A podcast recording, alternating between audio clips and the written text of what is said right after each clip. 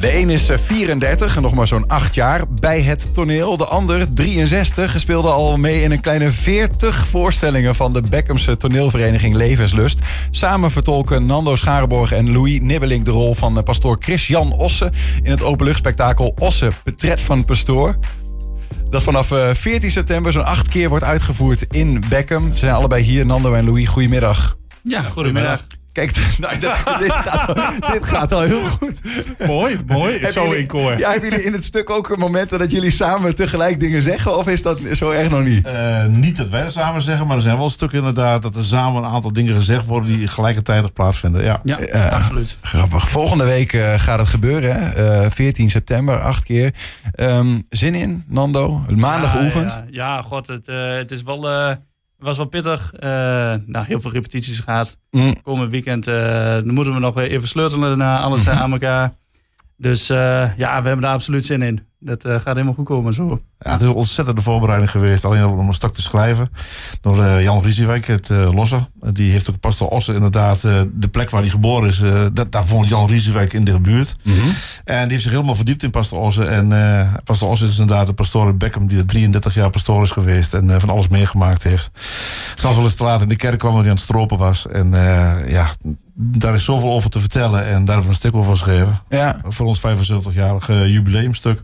Nou ja, Jan Riesewijk, eh, de meeste mensen kennen hem denk ik wel. eh, eh, zeker ook een, mooie comedian, zo, zoals hij dat kan op zijn Twents. Hij zat hier, nou, ik denk ook een, een krap jaar geleden in ieder geval, toen dat net zo begonnen was. Misschien was hij al aan het schrijven, misschien nog net niet, dat weten we niet helemaal. Maar eh, hij vertelde hier ook over eh Osse, wie hij dan precies was, die pastoor waar jullie stuk over gaat. Klein stukje daaruit. Ik was dus een keer van een een arme weduwvrouw was de koe gestorven. En dan heeft die zondags gezegd, we gaan nu collecteren. Maar ik bleef er zelf bij staan bij de collecte. Dus hij ging zelf rond. Met andere woorden, dan geven ze meer. Ja. Om de, en ook als mensen geen eten meer aan, dan zorgde hij dat er wat kwam. Of hij, hij ging ook heel veel op jacht. Dus hij schoot wat voor de mensen die het nodig hadden. Het was gewoon heel Een sociaal. veelzijdige baan, wat dat Ja, betreft. ja, Hij, was, eh, hij mocht ook heel graag jagen en stropen. En ook wel eens als hij bijvoorbeeld eh, onder, de, onder de mis of eh, onder het biechthoorn zag dat er een of ander iets wild liep bij hem in de tuin. Dan kon zomaar zijn dat hij de kerk uitsprint en het geweer pakte. En, eh, ja, ja. Snel Geweldig. even, Ja, ik krijg helemaal een beeld van de man die we hier nu voor ons zien. Ja, omdat hij toch best wel een, een, een, een traditioneel priester was hoor. Het was niet zo dat hij nou een hele moderne man was, maar gewoon vooral dat hele gewone tussen de mensen staan en de taal van de mensen spreken. Een dialect altijd in Twents ook. Ja. Ja, ook, ook tegen de hoge fabrikanten, tegen de burgemeester, tegen die, die overal ook Twents tegen. Een man met veel gezichten dus, die, eh, die Osse, denk ik, hè? Ja, heel veel gezichten. Eh, we zeggen eh, hij had ontzettend veel humor, maar het was geen humorist. Ja, dat, dat, dat hoorde ik jou ook van de reportage gemaakt. We waren bij jullie geweest eh, afgelopen weekend tijdens de repetities. Toen zei je dat ook. Maar wat bedoel je daar precies mee?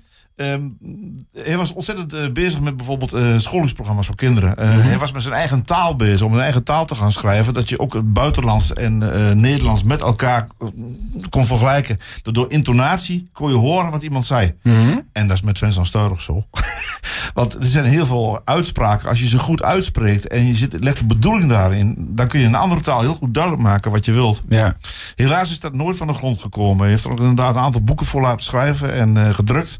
Maar eh, helaas, eh, daar is niks meer van. ja. De, is in dit stuk wordt wat eh, Louis toen, Floor, dat begonnen, zei: kan ik het ook in dialect doen? Wat, wat is de bedoeling? Is het stuk ook deels in dialect of helemaal? Ik, ik heb daar geen beeld bij eigenlijk. Nou, het stuk speelt zich af eh, van de jaren 20 tot en met de jaren 40. Begin 1940 ongeveer. En daar is in Beckham werd weinig Nederlands gesproken. En er Ja, werd heel veel in dialect gedaan.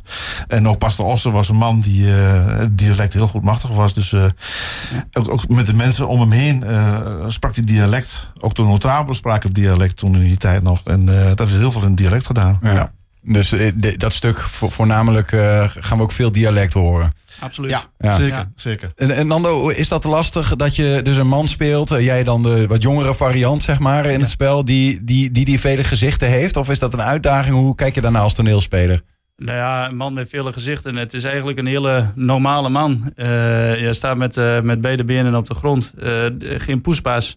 Eh, ja, op zich is dat niet zo heel moeilijk om daar jezelf iets in te, in, ja, in te rollen, zeg maar. Nee. Dus eh, nee, ja, het is vrij makkelijk om zo te doen. Ja, Ehm, Afgelopen weekend was al een grote dus doorlopen. Hè? Komend weekend ga je nog repeteren, zeg maar, nu hoor ik je zeggen. Eh, hoe, hoe, hoe, hoe, is het dan nu om zeg maar, de dingen in zo'n gymzaal zaten jullie geloof ik, of in ieder geval om het een beetje op zijn plek te zien vallen? Eh, ja, nou ja, wat je al zegt, we beginnen dus te repeteren in kleinere ruimtes, kleinere groepen. Eh, en nu begint dat steeds meer op zijn eh, plek te vallen. Ja, dat is wel machtig. Dat is heel mooi om te zien. Kijk, en dan, eh, dan krijg je ook iets meer beeld bij wat je dus eh, ja, goed, maandenlang hebt geoefend. Ja, dat is, eh, dat is geweldig om zo met elkaar te doen. Het is wel iets anders dan geloof ik wat levenslust gewend is te doen. Hè? Eén keer per Ja. jaar eh, en dan is het vaak eh, toch een beetje een, een klucht. Eh, voor de corona was het twee keer per jaar dat we een stuk uitgevoerd twee keer zelfs. En eh, dan hadden we ongeveer 10, 11 uitvoeringen. Ja. Per, per stuk, wat eh, één keer voorjaar, één keer najaar. Dus eh, ja, tussen de 18 en 20 eh, eh, ja, voorstellingen hadden we wel. Mhm. En dat was altijd in een kleine zaal. Ongeveer maximaal 150 personen ongeveer. En nu is het eh, veel groter opgezet. Het is ook een soort eh, locatietheater. Dat is een verschil, spelen op verschillende locaties. Buiten, binnen, in de kerk, in een tent. En daar komt alles bij, kijken. Het is niet alleen maar spel, maar het is bijvoorbeeld een stukje film wat overloopt in het spel. Ehm, er zijn eh, heel veel zijners eh, die, die- waar uitspreekt wat, wat om een beeld van Pastor Oscar goed neer te kunnen zetten. Ja. En, ja, het is wel heel indrukwekkend dat je met in plaats van met eh 7, 8 spelers, nu met 80, 90 spelers. En complete eh, groepen voor het licht, groepen voor de kleding, groepen voor Ja. de, het Ja. opzetten en groepen voor het decor. ja. Alles bij elkaar. Ik denk dat er een groot 200, 250 mensen bezig zijn om het hele stuk op poorten Ja. te zetten. Heeft alles te maken met dat, met dat jubileum, hè? 75 jaar eh, le- levenslust. We hebben ook nog wat, wat, wat foto's, misschien leuk om te laten zien, ook van die repetitiemiddag eh, vorig weekend, om een beeld te krijgen. Laten we die even Ja. tussendoor eh, zien. Eh, maar om, om daar te komen, Louis en Lando, zeg maar, bij die 250 mensen die meewerken, zijn ook veel mensen van eh, buiten levenslust eh, in dit geval. Eh, Jan Riesewijk schreef het stuk, is ook een grote naam. Ja. Eh, en toch eh, zijn die twee hoofdrollen eh, bij jullie neergelegd. Als in gewoon levenslusters. Mensen die daar vaker gespeeld hebben. Is dat eh, bewust gedaan of is het, waren jullie gewoon de best?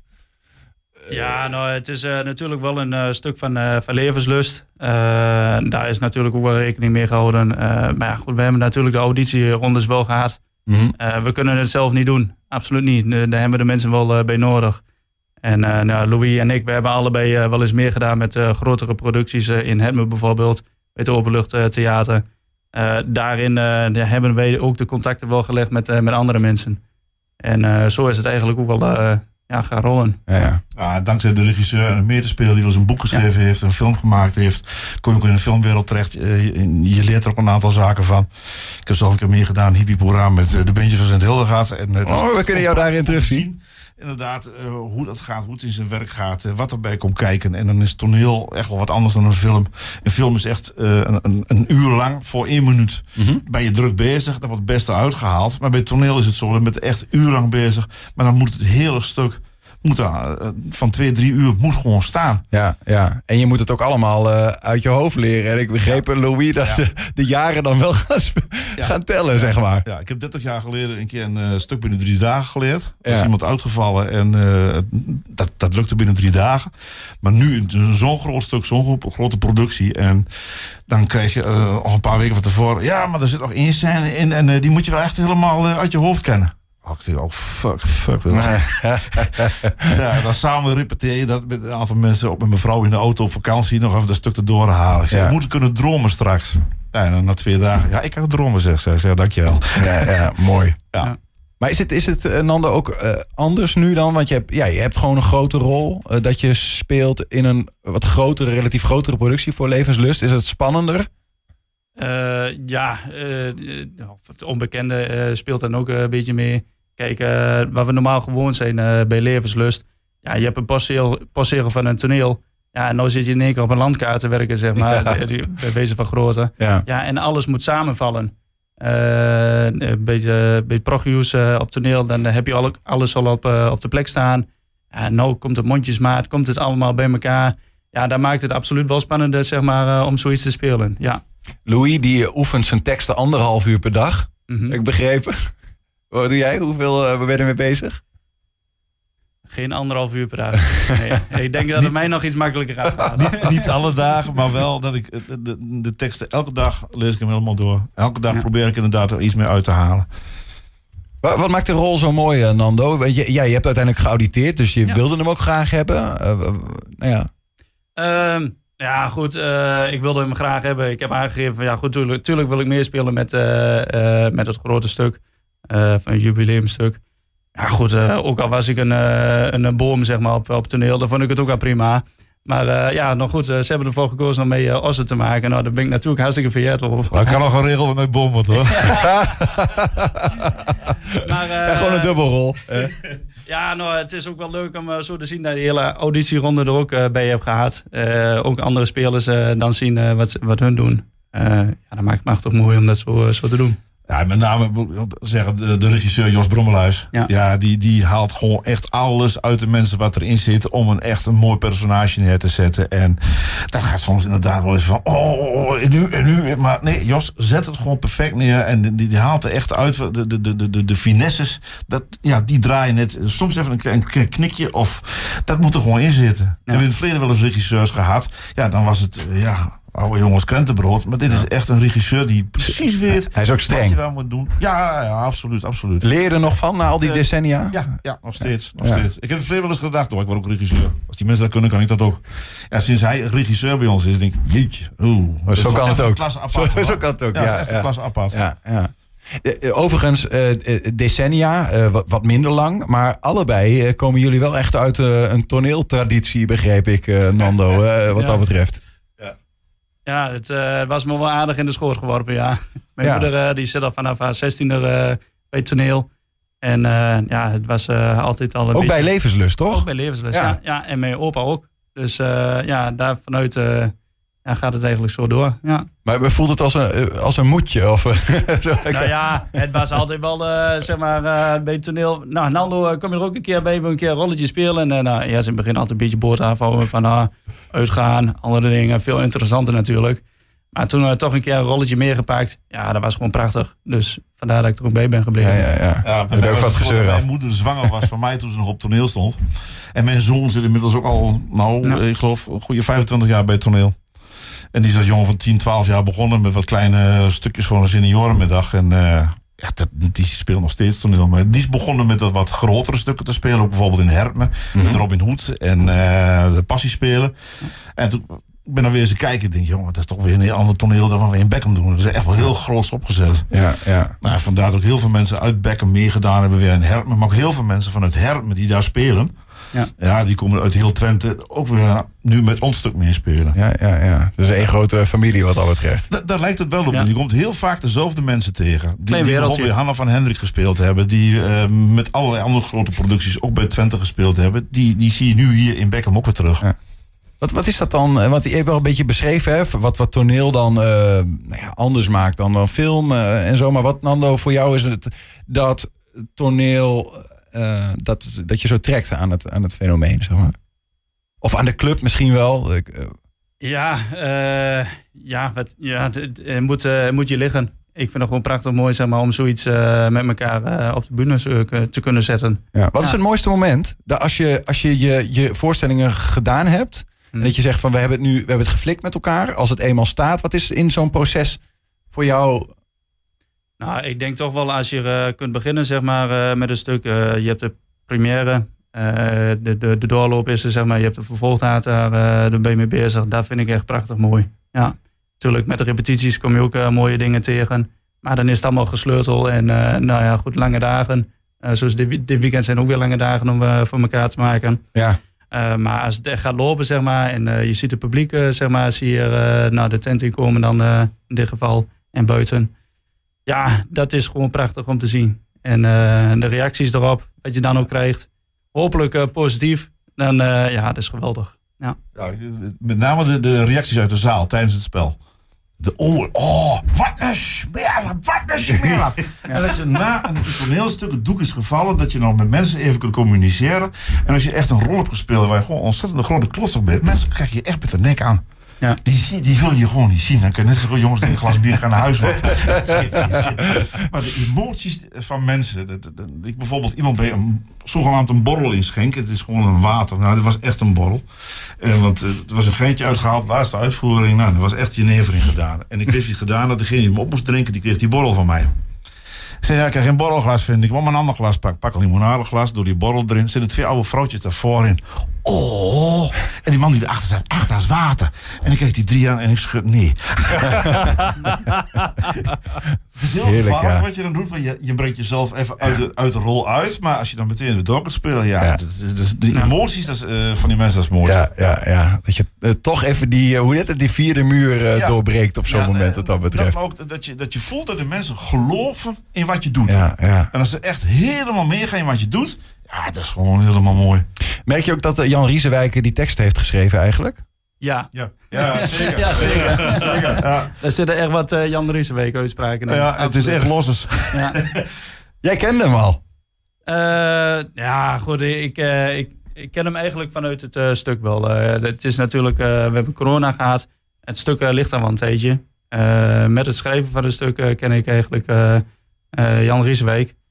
Maar goed, eh, Jan heeft, eh, heeft ons ook eh, inderdaad getrouwd, eh, mevrouw en ik. Ja. Dus dat is wel een leuke... Maar dat was vanuit een stuk dat je dacht van, Ja, hup. ja, precies. We zijn dus met elkaar aan de praat gegaan, zeg maar, ter voorbereiding van het stuk. Jan ging een stuk schrijven en ondertussen nou, hadden wij de voornemens om te gaan trouwen. Ja, ja, wie gaat ons trouwen? Oh, het is wel, wel prachtig als Jan ons gaat trouwen.